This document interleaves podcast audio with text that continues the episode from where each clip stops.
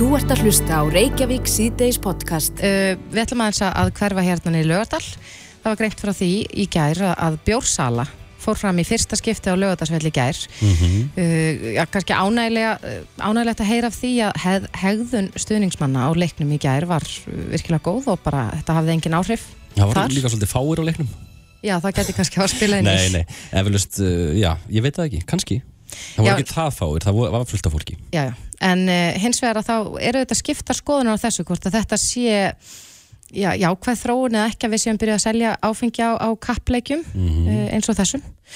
Um, uh, hann er sestur hérna hjá okkur, Árni Guðmundsson, félags- og uppeldisfræðingur og formaður fóreldrafélags gegn áfengis auðlýsingum. Kom til sætlarni. Komið blessu og sæl, blessu og sæl. Já, þetta nú, hefur verið mikið kappsmál fyrir, fyrir ykkar félag, sko, þið hafið nú auðvitað einblind svolítið á áfengis auglýsingarnar, mm -hmm. en líka tala mikið um aðgengismál og svona sínileika. Já, algjörlega, og, og í raun og veru sko, við við stopnum í kringum þetta auglýsingafarkan sem hefur því miður verið linnulöst og sérstaklega gagvar börnum og ungmennum þó að sé sérsagt uh, óleifilegt með öllu.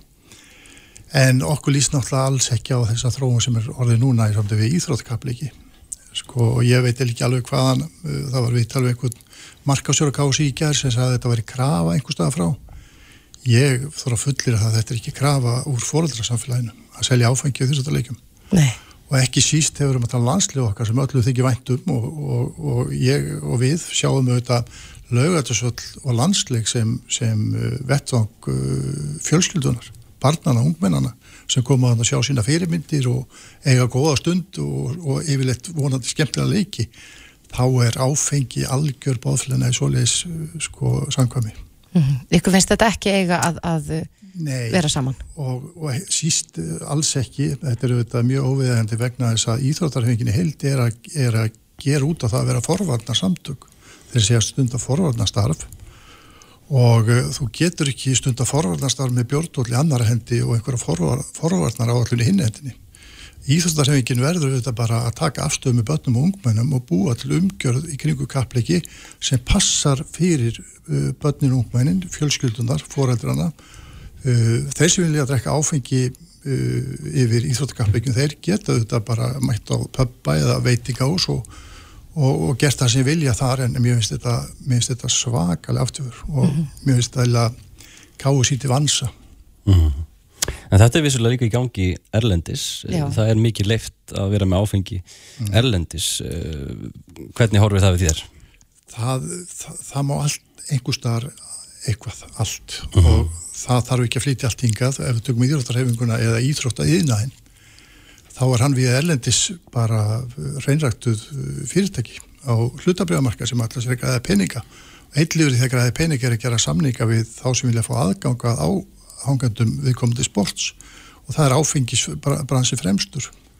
Uh, þess vegna held ég að, að við þurfum ekki að taka upp neina svona síði hér.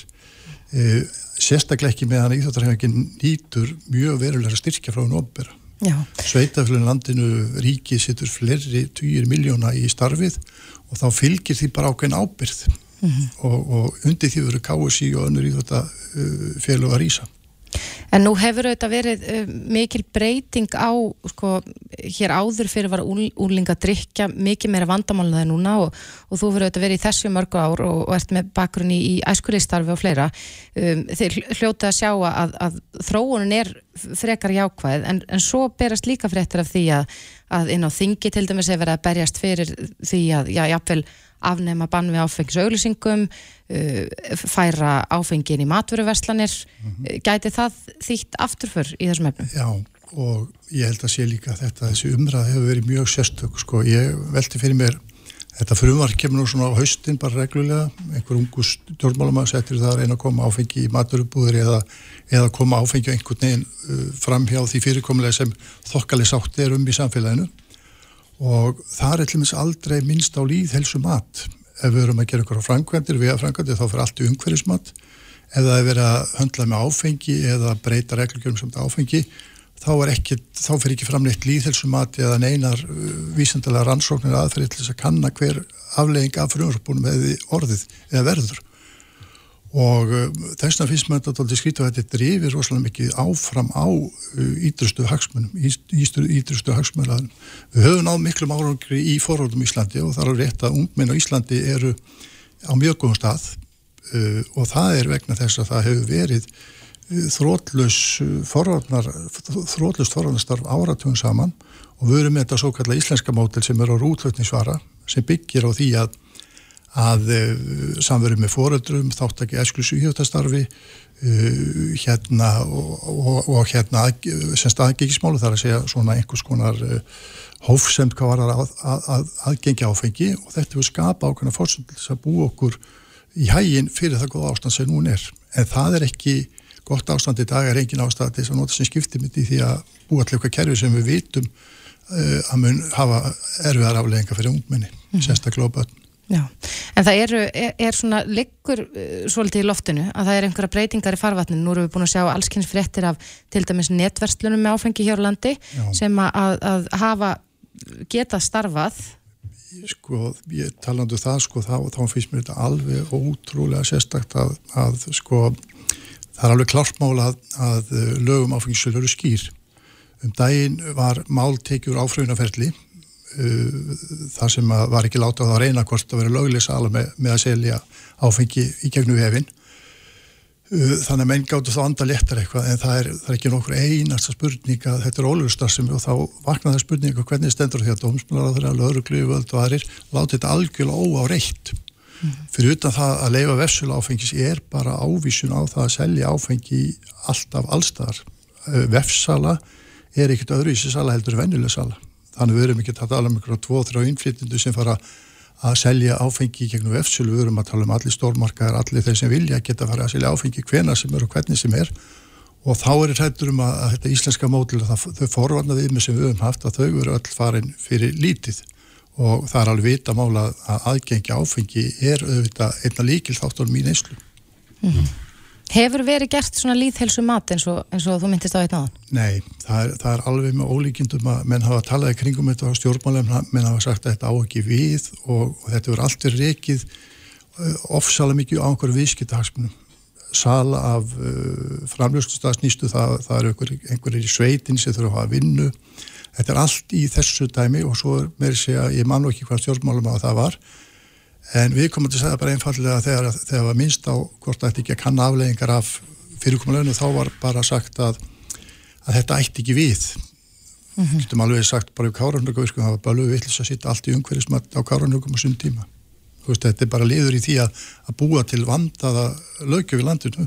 Það kostar ákveðinu vinnu og þá verða þeir sem eru í því að breyta þessu í þessa veru þeir vera einhvern veginn að fá fram niðurstur um afleggingar á orðin þessi ákvörðinu tekin mm -hmm. en, eh, Sko, nú veltum bara fyrir, fyrir sér sko, hver væri rétti aðeins til þess að gera slikt mat er við að tala um ennbætti landlæknis til dæmis að til, til gera líðhelsumat fullt af líðhelsusfræðingum sem hafa sérþekkingu þessu mm -hmm. og raun og veru þetta er ekki dörru seldur bara umhverfismat í framkvæmdum þetta er mm -hmm. bara raun og veru kanna allar hugsalar afleggingar, það er til Í Svíþjóð var gerð konun á til dæmis, eh, það var gerð svipu konun og þetta sem var reyndar vísendagrein um afleðingar af því að afnema eh, sænska ríkið, hætta með monopólið mhm. -huh. og það var ímislegt mjög fróðilegt sem, sem, sem kom undir því að það hefur engin af þeim sem eru að tala fyrir sufrumvarpi, þeir, það er engin þarna, en þeir eru eins og vegar umræðan hefur rosalega mikið verið svona viðskiptatengt sko, auðvitað fyrirtæki sem eru að framlega löglega vöru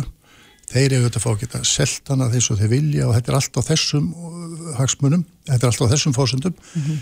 en, en við sem erum þarna hinum en erum, erum auðvitað að tala um að það getur vel verið að sé, sé kannski eitt og annað aukaskriðið að köpa sér áfengi en það er alveg réttlæðilegt vegna þess að við erum að búa til umgjör sem er trygg kakvart börnum og unglingum og þeir markmiðum sem samfélagi komið sér saman um. Mm -hmm. Það er eitthvað áherslu mál, börn já, sko, og ungmenni Þeir hagsmunir eru svo miklu, miklu, miklu merkilegri heldur en hvort eitthvað áfengisfyrirtæki getur selgt bjór út um alla trissur. Þa, það finnst mér algjört aukaður og það hefur ekkert með hvort að fólk er með á móti áfengisneslu, þetta er bara spurningum að búa til umgjörð og við höfum haft ákveðna sátt á Íslandi um sölufyrirkomlag Uh, og það kostar aukaspor í allar átti fyrir alla en það hefur hins vegar verið sístem sem hefur gefið okkur gríðarlega góðan árangur sérstaklega hvert unglingadrykju uh, semst og barna ungmenna allt sem snýra bötum og ungmennum. Mm -hmm. En þeir eru allavega á því að, að, að þetta sé ekki heillaskref af bjórsala hér og, og, og líka það skulle ekki vera tekið á til dæmis ólögulegum áfengissölusungum uh, eða ólögulegri sölu áfengisessunum. Ég finnst þetta eiginlega alveg svakala sérkjölda stjórnvöld sem eigaðu þetta að bera hag barna og ungmennu fyrir brjósti mm -hmm. að þau skulle sýta með hendur í skauti og, og horfa á augli og slögprót sko mánuðum saman. Mér finnst þetta eiginlega til ef ég er bara hreitt og beitt, þá feist mér að bara til skammar. Er mikið um áfengisauðlýsingar núna? Já. Hvar þá helst? Það er uh, sérstaklega á, á miðlum og sérstaklega að það er mikið beint að börnum og ungmönnum uh, en auðvitað er fullt af þessum auðlýsingu þannig að það kemur 0,0% í restina. Mm -hmm. En það er eina sem bendar eitthvað annað, allar umbúður og annað er en því miður er það þannig að, að áfengisíðnaður, þá er ekki að tala um en sérstaklega hérna í Íslandi áfengisínaðurinn er doldið eins og tópasínaðurinn hann er að alltaf að reyna að búa til nýja neytindur þess vegna er alveg svakalett að, að við skulum láta það vikangast að, að fólk geti nánast uh, haft einhvern aðgang á börnunum hans með áfengisáróður eins og áfengisjölsingar auðvitað eru mm -hmm. Við ætlum að opna fyrir símanu eftir og það verður mm -hmm. gaman að heyra hvort að fólk hafi skoðun á þessu máli en Árni Guimundsson, félags- og upphaldisfræðingur og formaður fóldrafélags gegn áfengisauðlýsingum. Við þökkum þér kærlega fyrir komuna. Takk ykkur sem leysir spjalli. Þú ert að hlusta á Reykjavík C-Days podcast. Mál Margis Steinar Singólfssonar að DJ Margis hefur vakið miklu aðtikli. Uh, hvernig að listi því hvernig aukumar og aftan á hjóliðans á lögavegi mm -hmm. með þeim afleðingum hann alltaf fjall til jarðar og, og hjólið kastaðist eftir götunni. Já og svo tók aukumarinn upp á því að, að keira yfir hjóliðans, bruna niður göngugötu og flýja af vettfangi. Ja. Og þetta hefur auðvitað vakið upp, eða svona mikil umræða sem er búin að eiga sér stað um, um öryggi þeirra sem að ferðast um á, á mhm, hjóli mm -hmm. Og það er hérna viðtal við hana Glótisi Guðgerstótturinn á vísi.is sem er varaformaður samtaka um bílausan lífstil hún reynilega kallar eftir aðgerum til að tryggja öryggi hjólandi og gangandi í umferðinu og, og segir ógnandi hegðun aukumanna og skadalega samgöngum menningu hafa leitt til þess að fólk veigri sér reynilega við því að hjóla. En uh, þessi umræði á nú ekki bara við hérna í höfuborginni, við fengum nú símtalum daginn í símatíma frá uh, vöru bifræðastjóra sem að, já, kvarta er hennilega yfir þeim sem að hjóla á þjóðveginum og hann þurfti ítrekkaða snarhemla til þess að lendi ekki á þá og eitthvað, eitthvað slíkt. Já, já. En uh, það er spurning og við erum búin að segja þetta áður hér þessum þetta, hvernig mm -hmm. geta hjól og bílar lifaði sátt á samlendi í umferðinni? Hann er sestur í okkur, Árni Davidsson, formadur landsambands hjólreðamanna, kom til sæl. Já, komið sæl. Já, þetta er nú ekki ný umræða um það hvernig, hvernig sko hjólandi og, og keirandi geta verið saman í umferðinni. Nei, alltaf þetta sé ekki bara aldargömmul umræða í runni, mm -hmm. þannig séð. En uh, auðvitað hjólreðar hafa uksu hérna mjög síðast leina áratug og eru orðin bara gjaldgengur ferðamáti í umferðinni. Mm -hmm og náttúrulega búið að fjölga tækjónu sem menn geta verið á, ramans reyðhjól og, og ramans laupahjól og léttu bifhjólinn í flokki eitt, sem mm -hmm. sagt raf skuttlunar eða raf bifhjólinn voru hérna tröllriðu öllu hérna um tíma. Já, við erum auðvitað búin að sjá mikla breytingar hérna í borginni, miklu fleiri hjólastígar sem eru auðvitað örugari heldur að, að hjóla á göttunni á gangstéttum um, En hins vegar að þá koma oft upp svona mál. Hver er svona þín upplifun af, af því að vera hjólandi hér í Reykjavík? Já, mín upplifun er nú kannski miklu jákaður en kemur fram í þessum fréttum sko. Ég hef ekki orðið fyrir svona árás því þetta er náttúrulega vissulega bara líkans árás. Mm -hmm. Það sem að nota bílinn sem árásatæki en ekki hafnabolta kilvu eða bissu eða nýf. Þetta eru auðvitað stórhættulegt og auðvitað bara alls ekkert í lægi og enda heyrist mér að lauruglan ætla að taka vel á þessu og, og hérna hafa upp á þessum ökumanni og, mm -hmm. og kæran reynlega fyrir líkans áras mm -hmm. en eins og ég segi mín upplifun er uh, miklu jákaðari maður hefur auðvitað lett kannski í ykkur í gegnum tíðina en alls ekki svona svona líkans áras eins og þarna er. Þetta týðka svolítið finnst mér á laugaveginum á þessum stað þar sem að það er, er, er gungu gata Já, og göngugata sem er já, bílar ítrekkað að keira Já, já, já, þetta er alltaf skrítin hefðun að vera að keira niður göngugutu mm -hmm. uh, eh, Já, hefur þú lengt í þessu lögavi? Einhverju, einhverju álíka uh, vesen, ef maður sletta svolítið. Ég hef oft hjóla niður lögavegin og aldrei lengt í svona og jafnvel með hópa fólki. En mm. sko þarna er náttúrulega bara um einhvern þú veist, þannig er náttúrulega síst ástæð til að hafa fyrir bílstjóran að styrlast eins og hann gerði. Já. því þarna er náttúrulega umferðin að fara á 5-10 km hraða og bílinn kemst ekki traðar þótt að hjóli sé ekki fyrir framannan maður, maður freista svona til að halda þetta sé svona hluti af þessari hatrum og orðræðu sem hefur verið í, í gargöngugutunar og, og dags spekessonar og svo framvegis. Menn sjá raukt ykkur negin Já. og bara missa stjórn á sér. Já. En vissulega ég, ég kannski einu sinni lendi í þessu ringbrut með svona hópa fólki þar sem ökumadur var reyður og, og flautað á okkur. En hann náttúrulega alls ekkit óg á, neitt. En eins og þú sagðir hérna á hana, þá eru sífælt fleiri sem að, að stunda hjólreðar og ekki bara endilega sem sko faratæki til þess að komast á milli staða heldur. Ég meina það hefur orðið algjör sprenging í því hversu margir eiga bara svona reyserhjól og fara langar vegalengdir. Hvernig Já. er staðan á þjóðveginum? Eru, eru bílstjórar sínaðir tillit? Ég held það náttúrulega, þetta eru þetta lang flesti sínuðu þetta tillit og ég hugsa að atvinnubílstjórar gera það ekkert síður heldur en aðrir. En auðvitað sambúðin og þjóðveginum getur verið svo erfið bara einfallega vegna þess að veginnir eru mjóir og hraðin er mikill, menn er á 90. Það er engar vegasli nánast á neinum þjóðvegum á Íslandi nema bara heila Reykjanesbrautinni til Keflavíkur. Og þó að það sé skrítið þá er það kannski ein, ein besta leiðin til að hjóla á þjóðvegi, það er Reykjanesbrautin til Keflavíkur út af góðum vegakslum en annar staðar eru eiginlega valla vegaslir fyrir hendi, þetta er ykkur kannski 5-10 cm fyrir utan kvítilínuna. Já. Mætti bæta þetta víðar á þjóðvegunum að, að, að Það er í rauninni alveg nöðsynlegt sko að þjóðvegur númer eitt, ringvegurinn verði með góðum vegakslum eða að það verði hjólastígur við hliðin á honum, alveg ringin.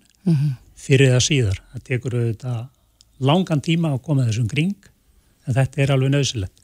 Þar til svo er, þar til þetta verður, þá verður mann bara sína tilitsemi. já, Og þá bæði hjólandi og þeir sem eru á, á, á akandi Mm. og náttúrulega þegar menn er að fara fram úr á þjóðveginum þá eða það er að koma umferð á móti þá verður menn bara einfallega að slá að hraða og býða það til umferðin á móti hefur farið fram úr akkurat. þar til maður tekur fram úr hjólandi Já, ég held að, að við getum nú rætt þetta tölvert lengur, tíminn flýgur frá okkur og við þurfum að skipta yfir á fréttastofuna en Árni Davíðsson, eh, formaður landsambands hjólreðamanna, við þakkum þér kærlega fyrir komuna. Takk fyrir mér Þetta er Reykjavík C-Days podcast. Kominn uh, nýr meðluti, nýr borgarstjórn Já, mér finnst við búin að býða svona óþarlega lengi eftir þessu. Er það? Já, er það ekki? Ég veit ekki hver vaninn er kannski en, en, en þetta er kannski í leiksta lægi Já, kannski er ég bara óþálmóð. Það gæti líka, líka verið. Já. En uh, þetta var kynnt í gær, uh, við sáum nú hérna, heyrðum í fréttum nú klokkan 5 af nýri könnun sem að gerð var. 37% borgarbúar eru ánaðar með borgarstjórnar, samstarf, framsóknar, pírata, samfélkingarnar og viðreistnar, samkvæmt könnun maskinu. Já, Fólk, eða íbúar borgarnar sem að búa í miðborginu og í vesturbænum eru ánaðastir og uh, ja, það var þetta mjög mikið talað um það eftir kostningarnar að uh, niðurstaða þeirra var svo að uh, borgarbúa vilja breytingar. Framsóknarflokkurinn bóðaði þetta breytingar í sínum kostningalofvorðum eða sínum slagorðum hérna fyrir kostningarnar mm og það er spurning hvort að, þetta duði til. Já, ég man nú eftir því að framsók talaði mikið um þetta að hérna ef menn, menn vilja breytingar í sínu umhverfi þá er bara best að kjósa framsók Já, já. það var það sem eina sæði Akkurat, en uh, til þess að ræða þetta og svona allar hliðar að þessum málum að segja, eru þeir sestir hjá okkur Gunnar Sigurðarsson, stjórnsýslufræðingur og Andris Jónsson, almanatengill komið sælir. Komið sérfur. Já, heil og sæl. En við byrjum á því að Gunnar, hvernig leggst svona sáttmálin í þig? Mér finnst þetta ásamlegt, góðu tími og hérna, það var, þetta kemur á kvítasunni þar sem að við erum öll svona, mögulega bara í fyrsta skipti að vera slök í langan tíma. Uh, Þar leiðandi fannst mér þetta bara svona renna, veist, og svo var þetta niðri náttúrulega í Ellegadal og gott veður og mér finnst þetta bara renna eins og, eins og lagsin hérna að voru einhvern veginn. Og einhvern veginn, ég ákvaða einhvern veginn að bara uh, sleppa þessum lagsi og svona þangað til að ég hafði tíma til að fara að rýna í, sáttmálan sjálfan. En þetta var voðalega bara tengillin náttúrulega getur svara því að þetta var bara, þú veist, að setja svona viðburð á sólríkum degi þar sem að, hérna, er allt, allt til lands, bæði veðri og umhverfi.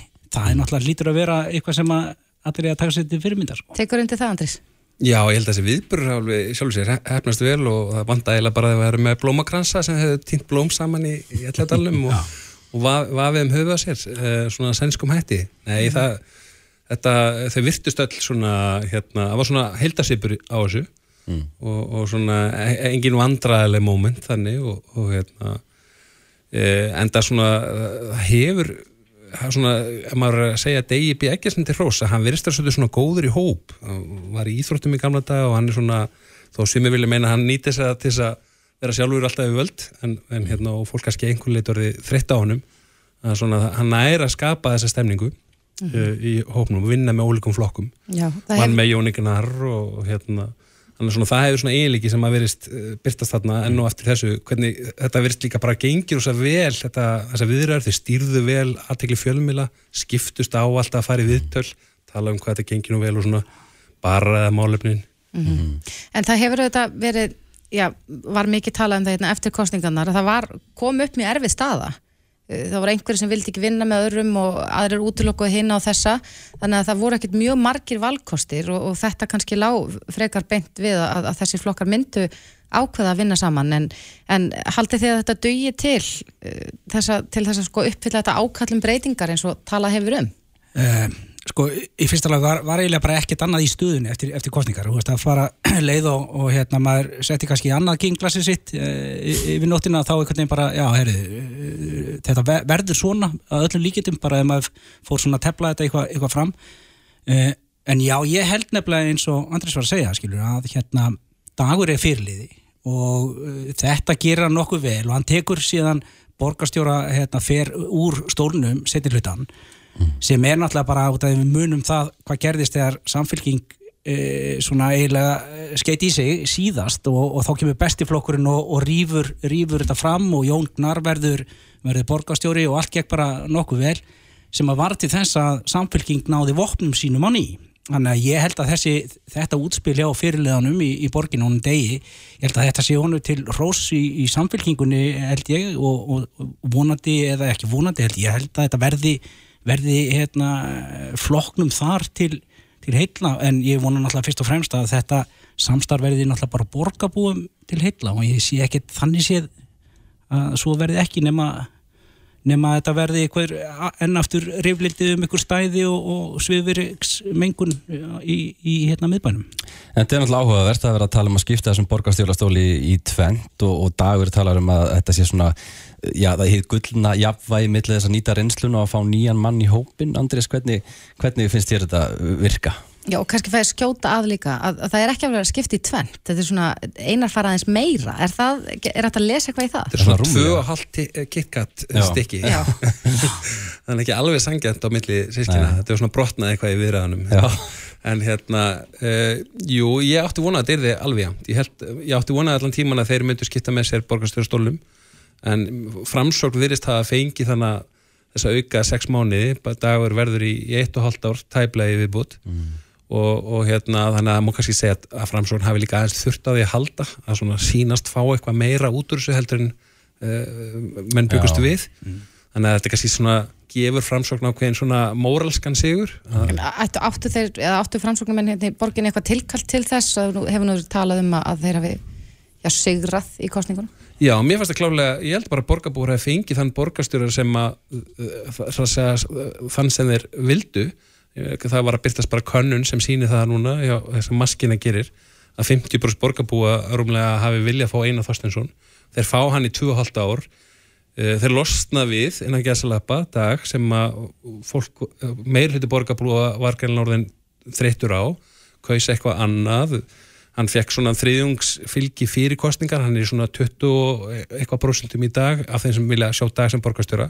Þannig að kannski, þetta er kannski eðli skipti í ljósi vilja borgarbúa. Og mér finnst kannski eitt svona sem sittur eftir hjá mér eftir þessu kostningar og eftir þessar meiruldavirðar sem er það eh, sem kannski sem Dóra eh, hérna, Ottiti Pírata sagði, eða Kaftit Pírata í borginni sagði, sem sagði að þetta væri miðjustjórn og það hafi verið það sem borgarbúar kusu og ég held að, að borgin, hún er bara þróast þannig, þannig færst til vinstri fólk sem býr í borginni, það verður aldrei reyn hægri stjórn lengur í borginni. Mm. Það verður, þetta mun sveiplast frá miðju til vinstri, þar er sveiplan og mistökin það sem að sjálfstæðismenn þurfa að horfast í augu við og, og gera upp er það að þeir voru með fullkomin borgarstjóra kandidat í miðjustjórn sem var það sem borgarbúr vildi, sem var Hildur Björstóttir en hún þurfti að vera fram á síðasta daganónast að fá þennan stól oddvita. Mm -hmm. brókir fór fram mjög seint. Hún fekk ekki með sér fólk sem var sammólinni þannig að hún var ekki skýr valkostur. Hún, hún hefði átt að vera Einar Þorstinsson í rauninni í þessum kostningum, það er það sem sjálfstæðarlokkurna ætti að bjóða fram, af því hún hefur til til að hófsum, hún er til til að sammóla hún vill, leggur áherslu á fjölskyldumál hún leggur áherslu á þéttingu byggðar. En svo var þessi óeining þessi óskýri valkostur, hann leti til þess að fylgið rapaði rétt fyrir kostningar og hún þurfti í staðan fyrir það sem hún hefði átt að stöðan, staðan sem hún hefði átt að vera í að sækja fylgina miðuna, þá þurfti hann alltaf að passa kjarnafylgið sem var að fara eitthvað annað og fór alltaf að tala til hæri og gegn flugvöllinum og gegn borgarlínu. Þetta var, þetta var mjög skrítið. Þannig að borgar, einar heila stál augnablikinu sem heldur þetta að fá að mínu mm. viti og, og, og ef hann stendur sér vel, hann er búin að standa sér vel fyrst mér í kostningabartinu og í tingsluðu þess að viðræður. Og enginn virðist verið eitthvað neginn að efast um það hann er í erindi í hennar stól. Þannig að ef hann stendur sér vel þá er það kannski, við að tala um langa setu hjá honum í þeim stóli. Samanlega þessu Gunnar? Já, og veist, út af að við förum í sjálfstæðisflokkin til að byrja með, þá náttúrulega er það mjög aðglisvert að hérna eh, hann bara hefur ekki náð vopnum sínum, er ekki rétt hjá mér að þetta 94 sem hann er síðast í raunvörlu, ef við tökum ruggl árin hérna í, í, í burtu þar sem að hérna annarkver eh, borgarfulltrúi var eh, borgarstjóri Akkurat. þá hefur bara sjálfstæðisflokkurinn bara verið í, í í tómi tjóni í borginni. Mm. hann hefur ekki náð hann hefur ekki náð að setja sig á neitt ás. Hann hefur ekki náð að og síðan hefur bara fylgið bara verið bara þjætt að fara niður. Sama mann alltaf segja með samfylginguna en hún hefur farið semt upp og síðan aftur niður og hérna en e, framsóknin er að koma þarna inn bara sem bara gott, gott mótvægi og ég held að þetta verði bara sko ef við förum bara beint í hérna pakka þetta er bara eiginlega bara copy-paste frá því bara hérna, áfram gakk einhvern veginn uh, úr uh, þessu samstarfi sem var og þetta sem er núna. Er, ég, ég sé enga einhver svona trillta framsóknar mennsku, það er ekkert eitthvað ég, ég þurfti eitthvað að strúka mér kollin bara, guð minn álmátu hvað þetta er framsóknað skilur sem að var í, í bóði eða er í bóði núna í stefnu, þetta er bara svona ég sé ekkert fingra fara á, á einu en einu sem að framsóknar er koma með inn í pakka nema þá kannski það er veist, dundrandi badna hérna, e, badna áhersla í, í, í þessum pakka. Og það er það fyrsta sem þið setja fram í þessum nýjum pakka og það eftir ekki með svona, já, heyrðu, þetta er hérna nokkuð velgert út að tala um uh, fæðingarólofið og, og lengja það hérna yfir í leikskólana og, og Já, það er bara, það er sama Frítt í sund og strætt og fyrir börn Það er rosa mikið sund í þessu, það er hérna frítt í sund og frítt í strætt og, og frítt fyrir börnin og aðeins lett mm -hmm. Ég er nú ekki alveg rosalega hrifin að þessum hækkuna á frístundartyrki sem er verðbólgulega séð að Íþróttafélagin alltaf hækka þá bara æfingagöldi sín á móti, það er náttúrulega getur skoplað því en það eru gríðarlegar hérna, skemmtilegar áherslur varandi það er bara förum upp í breyðholti það sem einar er og upp í árbæinn það sem dagur er að það heldur betur að hérna, spýti lóana og setja ykkur að dansmiðstöðar og, og bóka söpn og, og fínir í þar. Svona held yfir er þetta náttúrulega ef þú opnið þennan pakka að þá er það fyrsta sem að hérna, e, þessi meirleitur er að setja fram eru badamál mm -hmm. og það er náttúrulega bara e, e, eitt og sér skilu húsnæðismálin er nummið tvö í pakkanum. Mm -hmm þó að þau séu, ég nenni ekki að tala um þau hérna, skiluru mm. en þetta eru aðala áherslunar sem að ef þú opnar, opnar blaðsíðu 2 í, í, í, í blaðinu þá er þetta, þetta er pakkin í samfélum, já, og svo er náttúrulega áhverð kannski, ég veit ekki hvað þú segir um það Gunnar en nú eru fransvænamenn sko með þessi mál sem þú nefnir, ásmyndir með badnamólin mm -hmm. uh, hérna uh, hérna Sigur Ingi er með vegamálin og húsnæðismálin mm -hmm. þannig að veist, það er, núna eru þá sömu flokksmenn með mhm. málin bæði á ríki og borg Já. og það hefur margt verið stopp eins og Kjeldnalandi eða byggja á nokkur um reytum hérna, viðastofur reitnum og fleiri stöðum svo sundabröðin mm -hmm. hún er kannski með meira áherslu heldur en ég held, hefði haldið ef að vinsti grænir og sami meirliti haldið verið áfram þá verði ekki verið að stíða sér skref held ég þetta í sundabröðina mm -hmm. svo held ég að einar verði þú segir sko kannski sáttmálinn hann gæti verið svona, en það eru borgamálun svolítið þannig, þetta er ekkert svo mikill munur hvaða flokkar, Æ, hvaða setja oddin svolítið, við erum svolítið sammála um helstu málin, þetta er svona kannski aðeins meira áherslu munur og þar verður einar held ég mjög áhrifða mikill strax frá byrjun sem formaði borgar ás að því að þó að fransarmenn hafi ekki fengið skiplarsmálin, allavega ekki núna í byrjun mm. þeir farið til pírata eh, skiplarsvöngalismálin held ég að vera rétt í mér að Dóra tekur það að þá verður hann fóma á borgarás og þá stýrur dagskrá borgarásir og þar þarf alltaf að fara í gegn allar ákvarðin, allar stóra lóðir allar, sam, allir samningar og þannig að einar verður þar með það líka að hann er að fara að taka við eftir eitt og halvt ár. Þannig að hann verður strax mjög áhrifamikill uh, í, í þessu samstarfu í borginni Einar Þorsteinsson og virðist hafa stuðning til þess líka með við nýjustu kannanir. Er eitthvað samengið í hvernig þetta var í kostningunum, hverju var lofað og útkomin á þessum sáttmála? Nei, ég, ég, sé það, ég sé það ekki fljótu ég veit ekki alveg þú veist, ég veit ekki alveg skýrt hvað áherslur framsóknarflokkurinn var að setja fram e, þar. E, síðan var þetta náttúrulega sko, það er sama hvort við erum að líta á, á almenning leigu, fólki á leigumarkaði eða, eða atvinnulífið eða, eða verktaka eða annað, húsnæðismálin voru náttúrulega bara þunga miðjan í, í þessari umræði hún er á dagskrá, eðlilega það er náttúrulega bara Já, þau, þau segjast allar ráðast í, í sko húsnæðis átak, útluta lóðum bæði Úlfars Árdal, Kjarlanissi, Hlíðarenda, Gufunis og Ártúnshöða og svo vilja þau efna til samkeppni um uh, skipula Kjeldnalands. og þetta eru kannski einmitt, þetta eru, þetta eru aðeins uh, hérna, blæbreiða breytingar ef, frá því áður en að framsók kom inn í þetta vegna þess að þar voru Úlfarsdalurinn þó hann hafi verið að byggjast upp og svona hægt og rólega ekki í forgangi hjá meirhlutanum, þannig að það er kannski að, að breytast Já. Þannig að Eh, það verða einhverja breytingar í borginni. Er, Já, er það svona, en svo finnst mér líka bara uh, út á þessu spurningu, þú veist, hvað var lofað og hvað, hvað, hérna, hvað, hvað verður þá ekki gert að mér fannst svona á því, því sem að það var rætt við í dag Hildi Björnsdóttur uh, Líf, líf uh, Magnaudóttur við Kolbrunni Baldursdóttur oddita minni hlutaflokkana og þær uh, voru ekki með henn ákveðin mál sem það sögst sakna, þær sögst bara vilja sjá sömu mál, bara með meiri áherslu. Ég vil sjá meira gert hér fyrir leikskólamálin meira gert í húsnæðismálum en það var ekki hérna, heyrðu, þetta er greinlega komið út á borðinu. Þannig að þetta er svona áherslu munur fólk er að kjósa kannski fólk þessar kostingar snýrust ekkit um eitthvað stórt mál. Veist, það snýrust um húsnæðismál en þar eru allir vilja byggja meira. Já, og mér finnst kannski stærstu fréttinnar að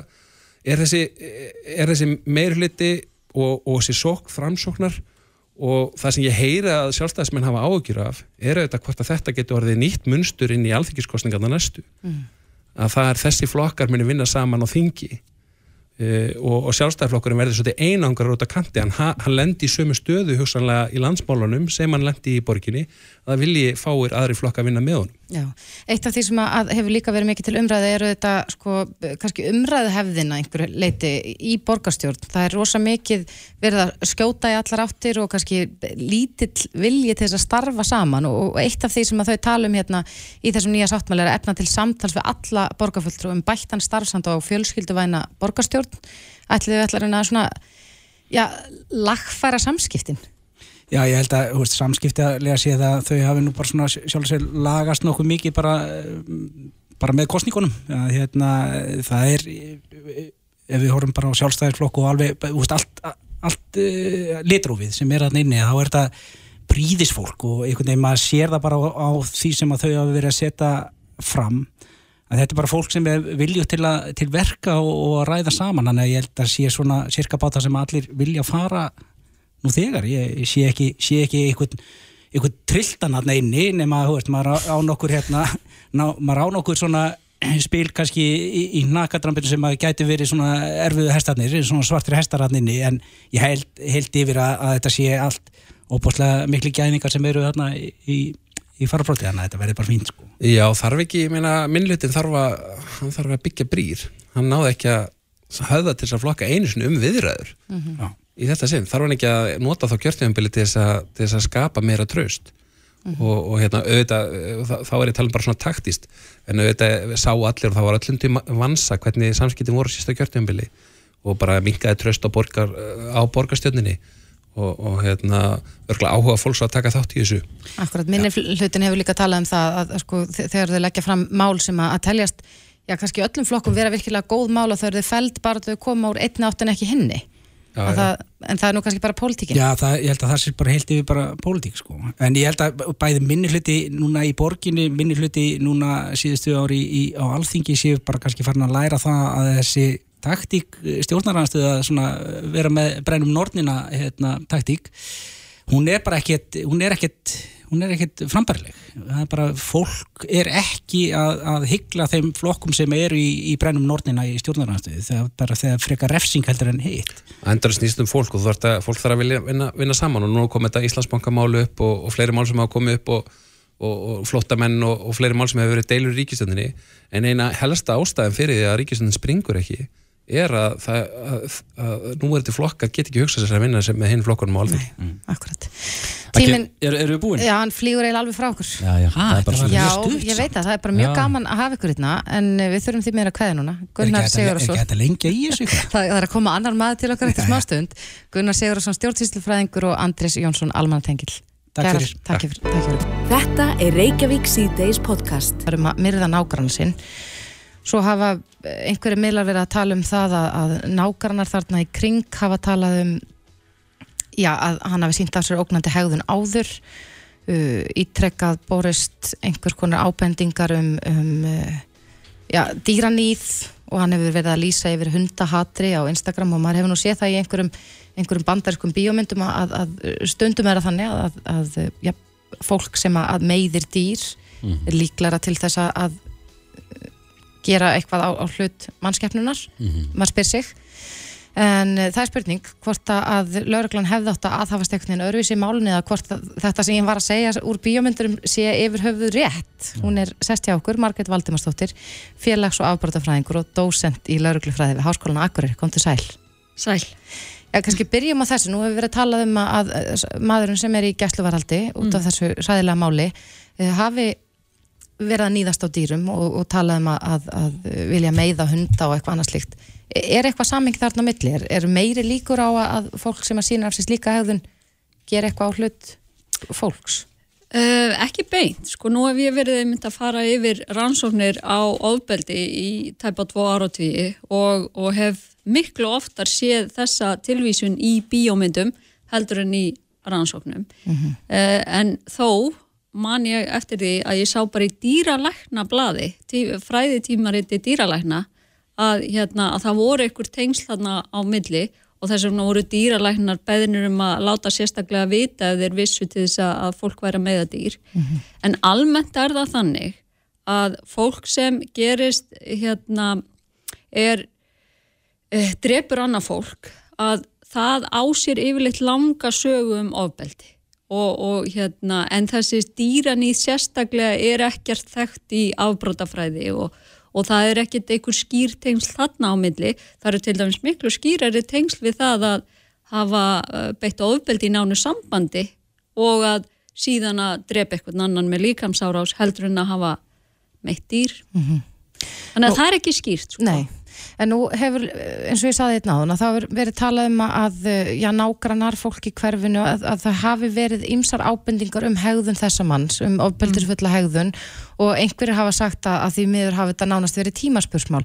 Hefði lauruglan geta aðhafstekniðin öðruvísi í þessu máli? Já, sko málið er að, að ég get í raun að vera ekki kannski tjáð mig sérstaklega um þetta mál vegna þess að ég hef ekki meiri upplýsingar um þetta einstaka mál heldur en þið eða það sem fólk hefur lesið í fjölmjölum og frá þeim upplýsingu sem við höfum nákvæmlega bara úr fjölmjölum að þá hérna eða mér finnst ég ekki að hafa nægar upplýsingar til þess að draga ykkur álöktun um það hvort að það hafi verið þarna algjörlega rétt viðbröðu eða hvort að lauruglan hefði átt að gera meira eða ekki sko. Og svo er það bara kannski ekki alveg viðandi að tala um þetta sérstaklega mál sko. En það eru þetta almennt þannig að ef við viljum draga úr alvarlegum líkamsárásum að þá hérna verðum við þetta að tryggja það að við höfum vel mannaða og vel þjálfaða lauruglu sem getur sínt hverju, sem getur sínt hverju útkalli hverju útkalli uh, með nægilega miklum tíma. Þannig að hvert útkall sé hérna að það sé ekki bröðust við því sem einstaka atveki ef að einstaklingur sem er verið að tilkynna uh, sem sagt hefur verið tilkynntur oft áður. En það þarf auðvitað að hafa vel mannaða lauruglu til þess að það sé hægt. Já. Og, og hérna en við á sama tíma verðum líka að segja að við viljum auðvitað ekki hafa lauruglu sem fyrir út fyrir valdheimildi sínar sem að frelsi sviftir fólk af uh, nema að sé tilefni til. Það verður að vera bara skýr uh, hérna, skýr grunur um sakhæft aðtæfi til þess að lauruglan í raun og veru hérna, geti handtekið mann. Akkurat. Um, í þessu tiltekna máli að þá hefur verið talað um að já, það hafi verið tvær tilkynningar sama dag um ofbeldsfulla hegðun. Við erum að sjá alls konar önnur dæmi líka, það er nú ekki langt síðan að við töluðum um hérna, mannir í lögadal sem var ítrekka að bera sig fyrir, fyrir framann börn. Mm -hmm. er, er ákveði úrraða leysi þegar það kemur að svona málumnum? Þegar til dæmis er verið að tala um já, einstaklinga sem að uh, eiga við einhver andleg veikind að stríða þurfum við að, að finna viðeigandi farfi fyrir slík mál?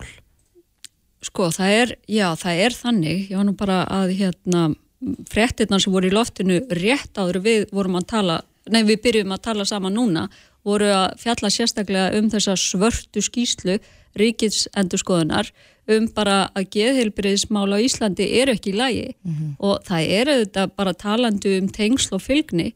Þarna eru tengsl og fylgni að ef við viljum bara koma í veg fyrir svona óaskilega haugðun að draga úr fjölda líkamsárosa að þá þurfum við þetta að hafa bara gott aðgengi að góðri heilbriðstjónustu og við þurfum líka bara að tryggja að fólk hafi aðgengi að heilbriðstjónustu snemma, að þessi grepið í snemma að, að börn séu ekki að býða lengi eftir greiningu, viðandi greiningu mm -hmm. og, og hérna að því að lángir byglistar fyrir krakka og krakkar komist ekki að e, ef þeir þurfa á geðheilbriðstjónust að halda, það er þetta bara einhverjum áru setna þá sjáum við e, getum við séð svona atvik mm -hmm. Já, þannig að, að í raun og veru þá skiptir kannski svona ákveði forvarnar þetta er svona ákveði forvörn að, að byrja að snemma að vinna með þann hóp sem að er í hættu til þess að við getum jafnvel komið í veg fyrir alvarlegar líkamsáras og fleira síðan mér. Það er bara mjög mikil forvörn í því og, og hérna kannski bara einn besta forvörnin en að því sögðu það þá vil ég líka bara að leggja áherslu á það það er fullt af fólki þarna uh, fullt af fólki sem á við all, alls konar andlega veikindi að stríða uh, sem er beitir ekki áfbeldi mm -hmm. og, hérna, og flesti sem beita áfbeldi eru ekki greindi með neitt geðsjúdóm. En það er samt þannig að fólk sem á eitthvað erfitt, uh, hérna, ef það hefur aðgang að góðri heilbreyðstjónustu, að það er það miklu ólíklara til þess að beita áfbeldi. Mm -hmm. Og, og hérna og, og með einmitt þetta aðtökk kemur upp og þetta er mjög alvarlegt og, og hérna auðvitað eru allir í sjokki að það, það er oft hann er að það er auðvelt að horfa tilbaka svona in retrospekt eða mm -hmm. horfa tilbaka og segja já ok, það voru alveg skýrar vísbendingar um að þetta nákvæmlega myndi gerast og hérna það hefðu allir geta sagt sér þetta og lauruglan hefði átt að gera svona og hefði átt að gera hins einn en það eru auðvitað fullt af atveikum sem, sem eru nágrana erjur sem eru tilkynntar til lauruglu sem enda ekki svona, flestar mhm. enda ekki svona og það er ekki takt að spá fyrir með einhverju 100% vissu hver mun koma til með að hérna, láta til skara skrýða og, og, og hérna, gerast segur um svona því miður. Já.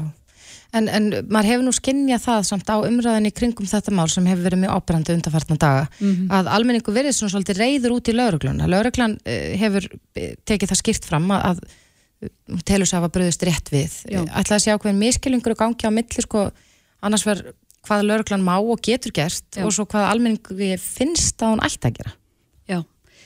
Einmitt, ég sko, einmitt aftur, ég veit ekki nákvæmlega hvernig þessar tilkynningar, þessar tvær þarna fyrir um daginn voru nákvæmlega eða hvað, hvað tilefni var eða hvernig það leit út fyrir þeim lauruglumannum sem mættu á staðin. Mm.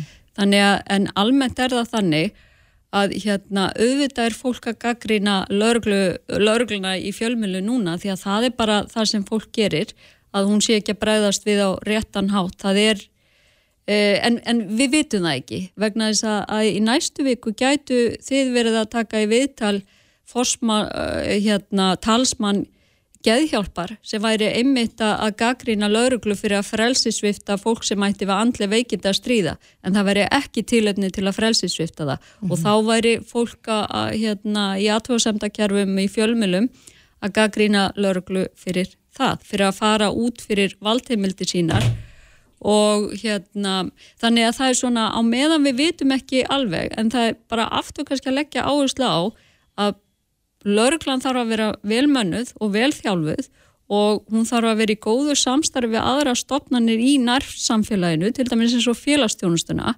þannig að hún geti brúðist við hverju tilkynningu í sko samhengi við sögu viðkomandi aðla sem er verið að tilkynna. Mm. Þetta, er, þetta tekur tíma og, og, hérna, og það er náttúrulega bara verið lengi talað um það á Íslandi og það er bara staðrænt að lauruglan á Íslandi er undimannuð. Mm -hmm. Já, við höfum nú talað oft um það hér í, í þessum þætti en rannsókn málsins henni eh, miðar vel mm -hmm. og við myndum auðvitað fylgjast áfram með þessum málinn. Margret Valdimarsdóttir, félags- og afbrótafræðingur og dósent við, í lauruglufræði við Háskólan Akureyri. Kæra þakki fyrir komuna. Reykjavík síðdeis á Bilginni podcast. Reyndar á næsta mældarskránu á þingi þannig að þetta verður aðeins dreist á langin en uh, Þórtís Kolbrún, Reykjavík Gilvardóttir, auðvitaðriksráþurra, er á línunni, kom til sæl Þórtís? Komið sæl. Þú, þú bara skellir á okkur ef, að, ef að þú þarfst að hlaupa í poltu.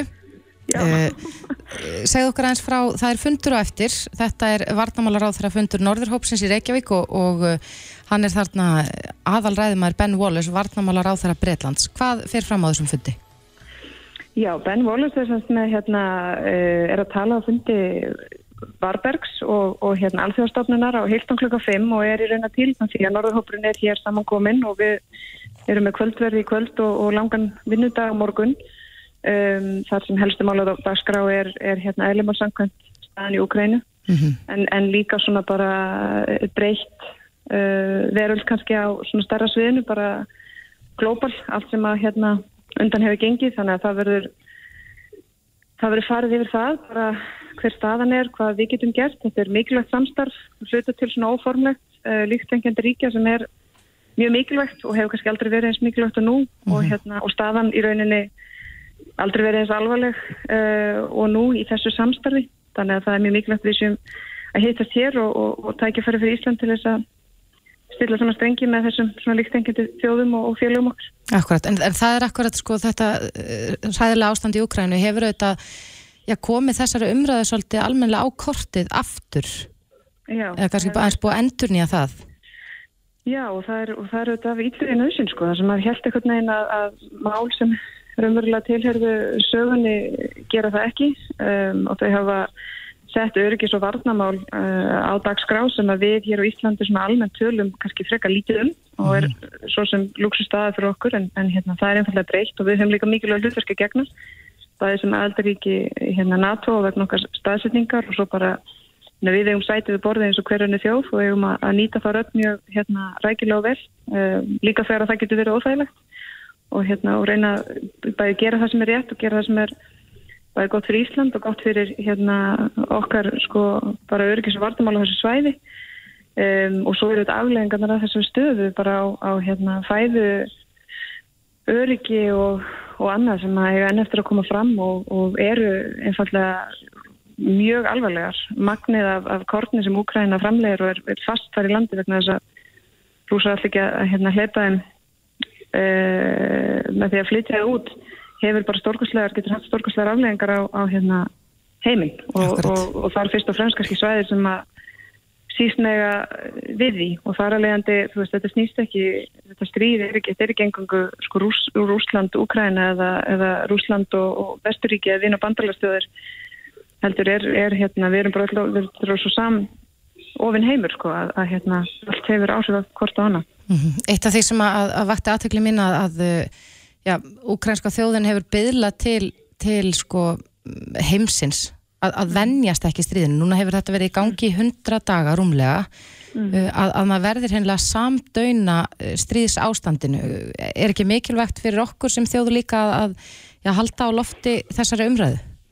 Það er gríðarlega mikilvægt og það er líka mikilvægt einmitt að, að hafa úthald og hugsa ef ukrainska þjóðun er það með úthald þá er í mínum huga minnsta sem við getum gert er að hafa áfram úthald. Mm -hmm. Úthaldi því að, að, hérna, að það kostar að taka skýra afstuð og minna okkur reglulega á það að við eigum allt undir að Ukraina vinni þetta stríð. Við eigum allt undir að þau sá slagur og þau gildir sem þau eru berjast fyrir sem við eigum allt okkar undir að sé hér ofan á Um, það, það er, er raunverulega það sem hérna, verið er að, að berjast fyrir. Og fórnarkostnæður sem fylgir því að taka skýra ástöðu er, er sára lítill í, í því stóra samhengi. Og það skiptir líka máli að, að, hérna, að hlusta á ukrainska þjóðuna og fara ekki að gera kröfum að menn semjum að hérna, afsala sér landi í þá einhvers tímabundins uh, friðar. Það er ekki okkar hlutverk að, að, hérna, að gera það. Nei.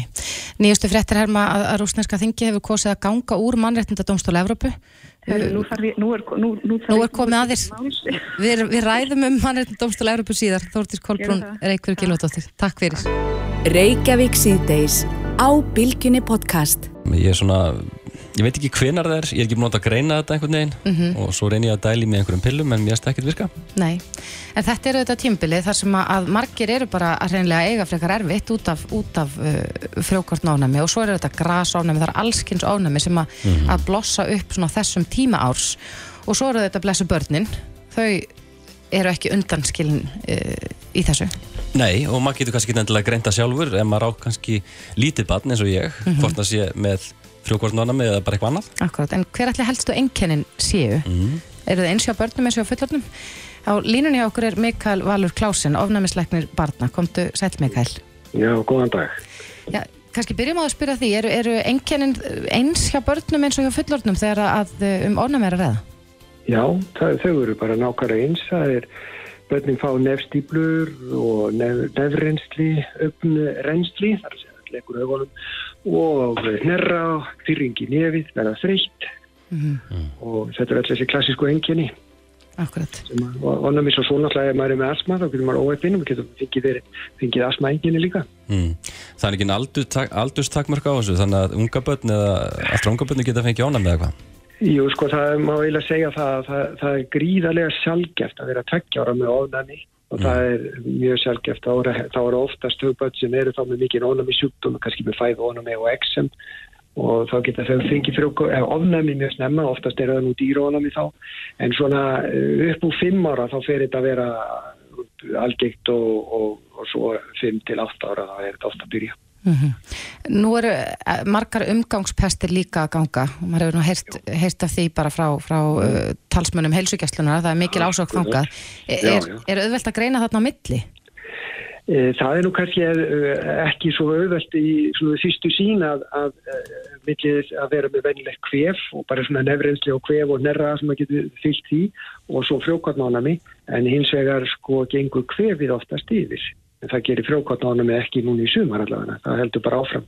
Nefnum að það sé byrki, nei, byrki ánami og það er að byrja með meðjan mæ og, og fram með meðjan júni og þá er svona byrki tímin yfirleitt búin mm -hmm. En þeir sem eru með, með frjókvartnánami eða, eða ánami fyrir grasi þetta þá lætir á sig krælar heila allt sumarið? Já, þá er það allt sumarið og það kemur svona oft eitthvað tíma setni partin í mæ byrji í júni og svo heldur það áfram svona upp úr miðum ágúst og fer þetta róast niður.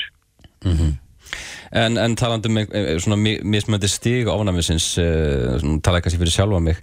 Uh, ég, mér finnst uh, töpunus og lóritín og svona ekki mikið slá á þetta.